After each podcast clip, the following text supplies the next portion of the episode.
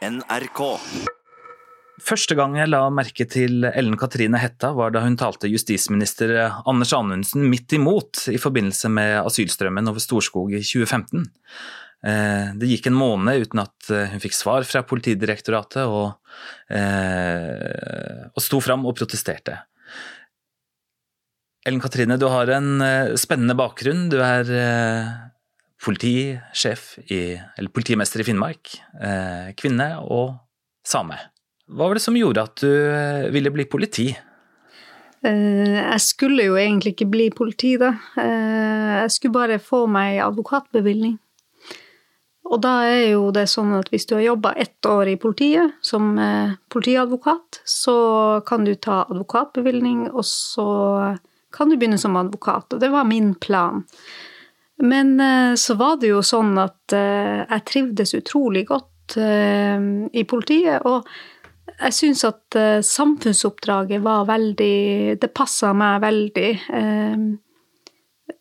Hele det her med å hjelpe folk, med å bring justice to the people, det, det passa meg veldig bra. Mm. Og så tenkte jeg jo også det at det er greit å ha en med annen etnisitet også i politiet. Tenkte du det? Jeg tenkte at det var at jeg kanskje kunne gjøre noe for mitt eget folk eh, internt i politiet også. At jeg kunne kanskje være med på å eh, bidra til rettssikkerhet. Mm. Hva var det som mangla, som du så, som du tenkte at her kan jeg gjøre en forskjell? Nei, jeg tenker at eh, den samiske befolkninga, og kanskje befolkninga i Finnmark generelt, har jo lav tillit til politiet. Og da tenkte jeg at kanskje jeg kan bidra med å løfte politiets anseelse Eh, blant finnmarkingene og eh, blant det samiske folk ved at de skulle se at en av deres egne faktisk eh, var i politiet og førte sakene. Mm. Og så, på et eller annet tidspunkt, så ble jo stillinga som politimester ledig, og da tenkte jeg at ja, men den kan jeg prøve meg på. Ja. Og, og den har du ikke gitt fra deg etter at du fikk den? Nei, jeg har ikke det. I 2011 så ble jeg første gang utnevnt som politimester, så det har gått noen år. Ja. Det å, å være en, en, same i politiet, hvordan har du tatt det med deg videre inn i rollen som politimester? I Finnmark så må jeg faktisk være det samiske politidistriktet og prøve å bygge opp kapasitet og, og kompetanse. Men det er jo ikke sånn som man gjør over natta, så det er jo veldig tidkrevende. Eh, og så har jeg jo også sett at det er veldig mange samer som har på en måte mista sin identitet og mista sitt språk. Eh, særlig de som bor i kyst- og fjordstrøkene eh, av Finnmark. Og jeg ser jo at det er et eller annet blant mange av de sakene som vi får inn, som jeg egentlig ikke klarer å sette fingeren på, men når jeg da hører hvem de er, eh, og ser hvem de er, så skjønner jeg jo at her er det mye historikk som vi burde ha, som samfunnet burde ha rydda opp i, men som det er for seint å rydde opp i når, eh, når saken kommer på politiets bord. Hvilke type saker er det? Er det snakk om vold? Altså er det en, en form for eh, utløp for en frustrasjon? Ja, jeg, jeg, jeg syns å spore Nå er jo ikke jeg noen forsker, og det har jo ikke vært forska på det her, men, men jeg syns å spore en eller annen form for misforståelse Eh, fra starten av, helt fra de begynner på skolen og til, til de da eh, kommer i politiets søkelys. Og da kan det være vold, det kan være overgrepshistorikk, og det kan også være rusmisbruk. Mm. Så spesielt? Ja, eh, det hadde vært utrolig artig å få forska litt i, de, i det som jeg nå syns jeg ser, om det er tilfellet jeg, er nok ikke blitt klar over de, de, eh, de tingene som veldig mange av mine brødre og søstre har måttet ha gjennomgått før i voksen, godt voksen alder. Og det er først nå jeg begynner å ta inn over meg hva folk i Sápmi har måttet gjennomgått av problematiske ting. Det å ikke få lov til å snakke språket når man går på skolen. Det, det å Eh, det å bli eh, mobba for å være same, og, og, sånne ting. Så jeg har nok ikke skjønt det riktig før nå. Vi formes jo på, på ulikt vis, da, både, både, profesjonelt gjennom utdanninga og privat. Har du hatt opplevelser på privaten som har eh, forma deg profesjonelt? Ja, absolutt. Det må jeg jo si. Jeg hadde jo ikke mer tillit eh, jeg til politiet enn Finnmarks befolkning eh, har. Eh, så det var jo kanskje derfor jeg egentlig opprinnelig hadde planlagt å bare jobbe ett år i politiet, men så er det blitt til 18 nå foreløpig. Og det er vel egentlig sånn myndighetstillit generelt. Altså, vi finnmarkinger har ikke veldig stor tro på den der staten. Jeg tror ikke det kommer til å bli bedre med det første. Men, eh, men det er klart, jeg har jo hatt mine opplevelser med myndigheter, med politi, før jeg begynte i politiet sjøl, så, så, det har nok forma min, mine fordommer. Eh, og så har jo jeg fått erfare at det kanskje var litt annerledes, da. Ja vel. Har du vært i politiets søkelys før du utdanna deg? Jeg har jo ikke vært i politiets søkelys sånn, da, men, men jeg har jo hatt erfaringer med politiet eh, som ikke har vært så gode. Eh, hvor de ikke har eh, gjort de undersøkelsene som eh, bl.a. jeg mente at de skulle gjøre. Så men, men, da var det politifaglig og ikke en sånn kulturell forståelse som du, som du tenker på? Ja, altså, det, det, der er jo litt vanskelig, fordi at uh, som, sam, som, same så vet du jo aldri når det er politifaglig og når det er samiskfaglig, for å si det sånn. Uh, altså, vi hadde en, um, en person som ble meldt savna, og som, som da politiet ikke ønska å lete etter. Så, så det det er vanskelig å egentlig vite om det var fordi at vi ikke klarte å kommunisere det godt nok, eller om det var en politifaglig vurdering som lå bak den vurderinga. Det har nok forma meg, og det gjør nok at jeg tenker ofte verstefallsteori hvis vi har en Når en sak starter hos oss. Ok, så du eller noen i familien ringer politiet, sier at en nær person har inntrykk av da er savna, og politiet svarer Nei, de har, ikke, de har ikke De ser ikke noe grunn til å iverksette noe leteaksjon, og de vet ikke Og de Vi får ikke inntrykk av at de ønsker å bidra til å hjelpe oss, i hvert fall. Det er en ganske ond sak, egentlig, å oppleve. Så, så, det bærer jeg med meg, og prøver egentlig å dra lærdom av det og tenke hver gang at eh, jeg skal ikke utsette mine medborgere for det jeg sjøl har vært utsatt for. Viste det seg at deres bekymring var reell? Vår bekymring var reell, og saken endte overhodet ikke godt. Så, eh, så, det er jo noe, det er en erfaring som man bærer med seg. Hm. Det å være politi på, på små områder hvor man kjenner Altså man har stor slekt, man har stort nettverk. Eh, det å se, eh, for alt jeg vet, at det er folk som du kjenner eller har en tett relasjon til, som involveres i mulige straffesaker. Hvordan er det? Uh, nei, det går egentlig helt fint. Det tror jeg man blir vant til. Uh, og så tror jeg at man må ha litt sånn der Man må erkjenne det at man, kom, man har, kommer til å ha et yrke hvor man har mer informasjon enn andre. Og så får det bli med det. Mm. Eh, var det noen konkrete opplevelser som du bet deg spesielt merke der? Eh, ja, det var noen som fortalte om noen som hadde vært og tyvslakta elg. Og så ble jo jeg veldig Og jeg syns jo at det var interessant å høre på. Og så, og så så vedkommende plutselig på meg og så Altså, han så meg for, i, i, mitt yrke, da. Og så bare avslutta han så Ja, snakkes. da var det plutselig ikke noe tema mer. Nei, Så masse artig informasjon du går glipp av kanskje nå? Ja, og hvem som har slåss med hvem, det får jeg ikke lenger vite. Så det er sånn. Men det er litt sånn Hvor interessant det er det. Ja, ja. Hva gjorde du med den saken, da?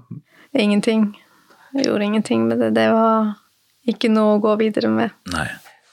Det er et, et, ganske stort spørsmål som jeg har lurt på egentlig siden, eh, siden du sa ja til at vi skulle møtes, da. Eh, og det er Har samer den samme rettssikkerheten som majoritetsbefolkninga? Eh, det er utrolig vanskelig å svare på. Eh, for du må det, det, er litt vanskelig å si hvem som er same, og hvem som ikke er same. Altså, særlig spesielt i Finnmark, da, så kan du jo fremstå som norsk, men, men du er kanskje ikke så norsk likevel. Du kan ha kvensk bakgrunn, og du kan ha samisk bakgrunn. Jeg tenker jo at de som har mista språket sitt, kanskje, og kanskje fremstår som veldig norsk, kanskje i større grad blir misforstått av storsamfunnet enn vi som snakker samisk. Det, det er vanskelig spørsmål å svare på, men, men jeg tenker jo at uh, jo flere samer vi blir, både vi som snakker samisk og vi som ikke snakker samisk, i politiet og i rettsvesenet og andre områder, uh, så vil det bidra til bedre rettssikkerhet for uh, den samiske befolkninga. Mm. Hvilke utfordringer er det mot rettssikkerheten? Jeg tenker da på språklige og kulturelle utfordringer. Det er selvfølgelig språklige utfordringer, men, men, eh, jeg tenker jo også at det er en del kulturelle utfordringer. Hvor du har eh, Hvor misforståelser rett og slett kan oppstå. Men jeg tenker også at det samiske samfunnet burde gjøre et oppgjør med seg sjøl, eh, ved at man ser på hvilken språkbruk man tillater. Eh, på samisk så har man en del ord og uttrykk som gjør at man eh, Som, som jeg syns at tida har gått ifra. For eksempel hvor du har uttrykk for å låne deg kvinnfolk. Eh, altså du kan låne deg kjønn, rett og slett. Jeg syns ikke det er noe nødvendig ordbruk.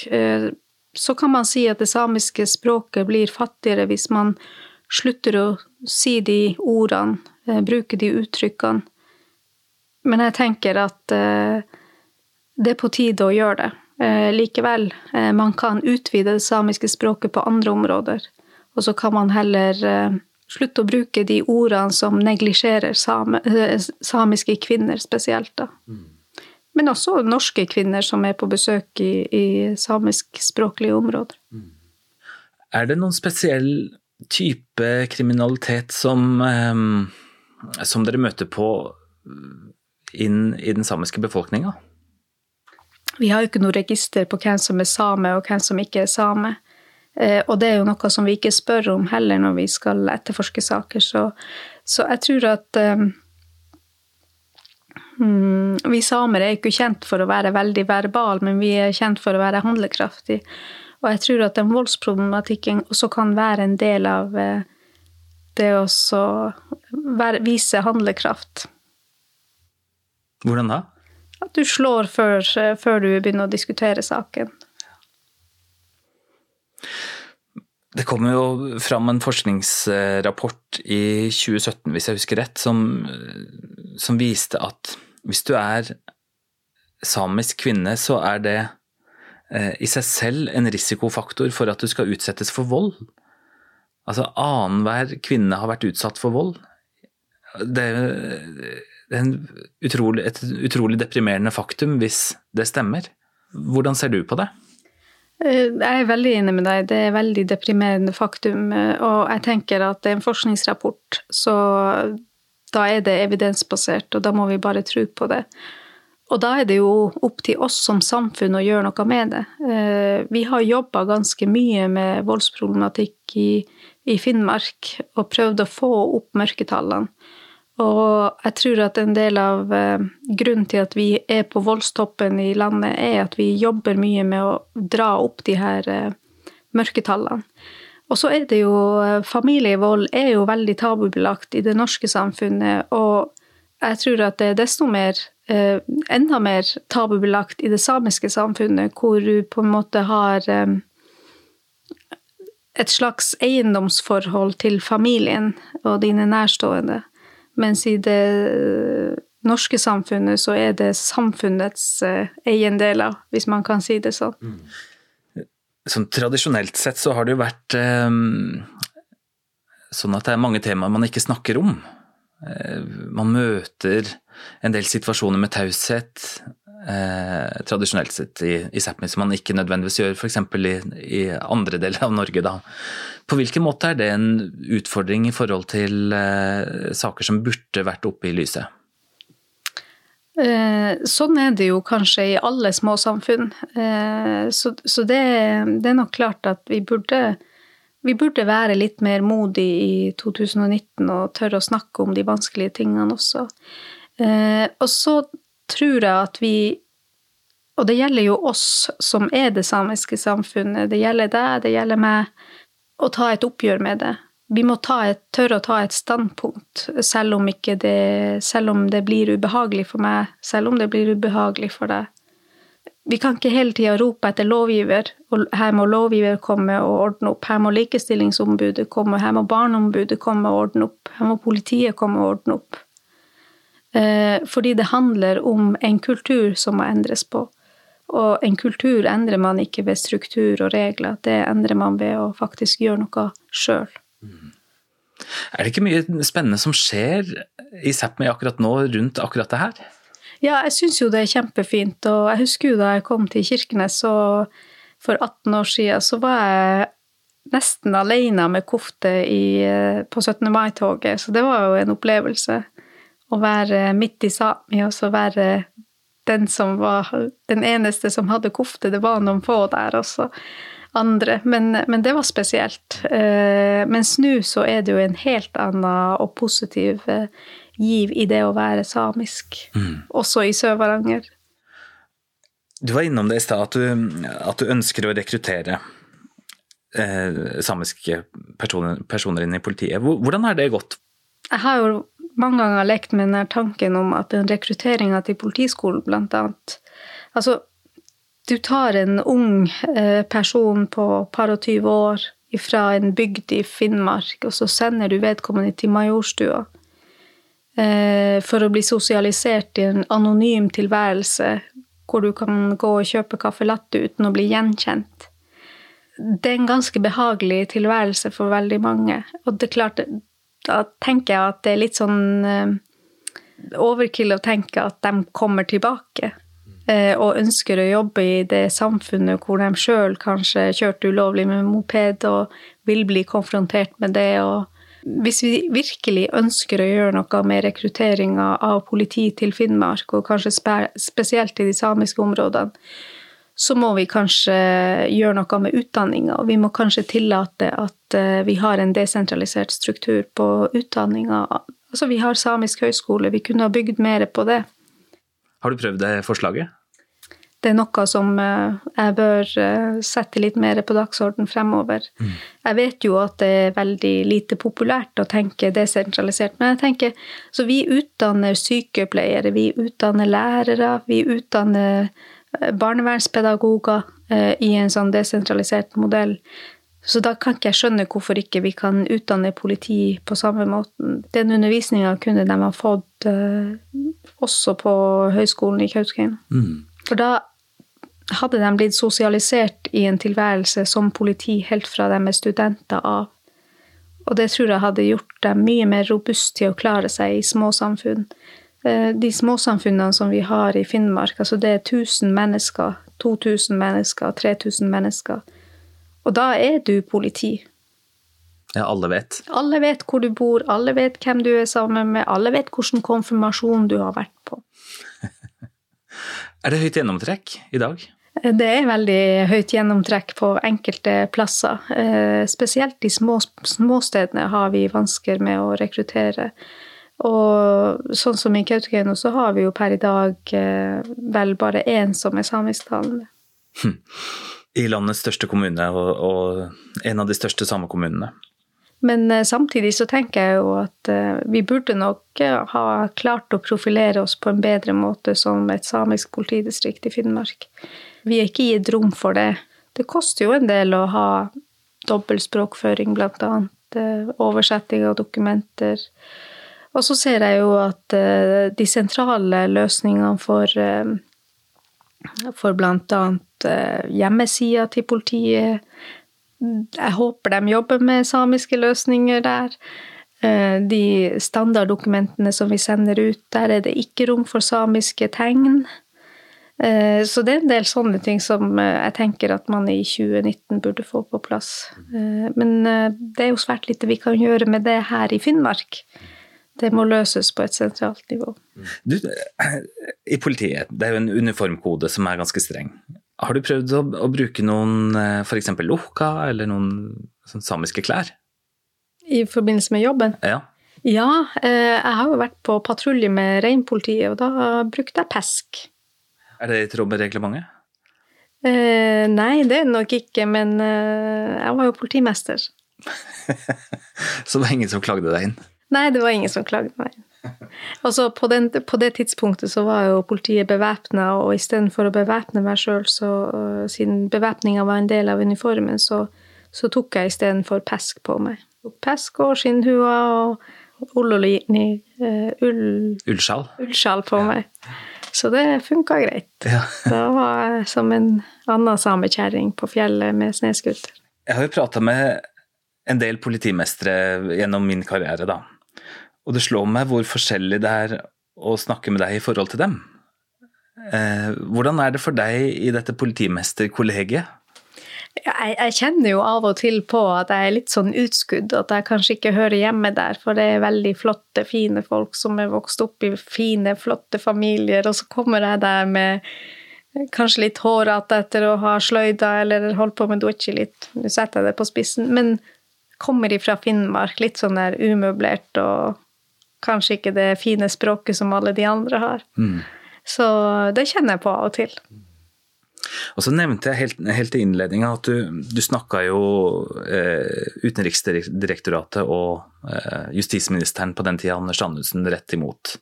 Da det var så mange som kryssa grensa på, på, fra, fra, Russland til Norge. Hvordan var det for deg å gå så hardt ut, eh, og hvilke reaksjoner møtte du der?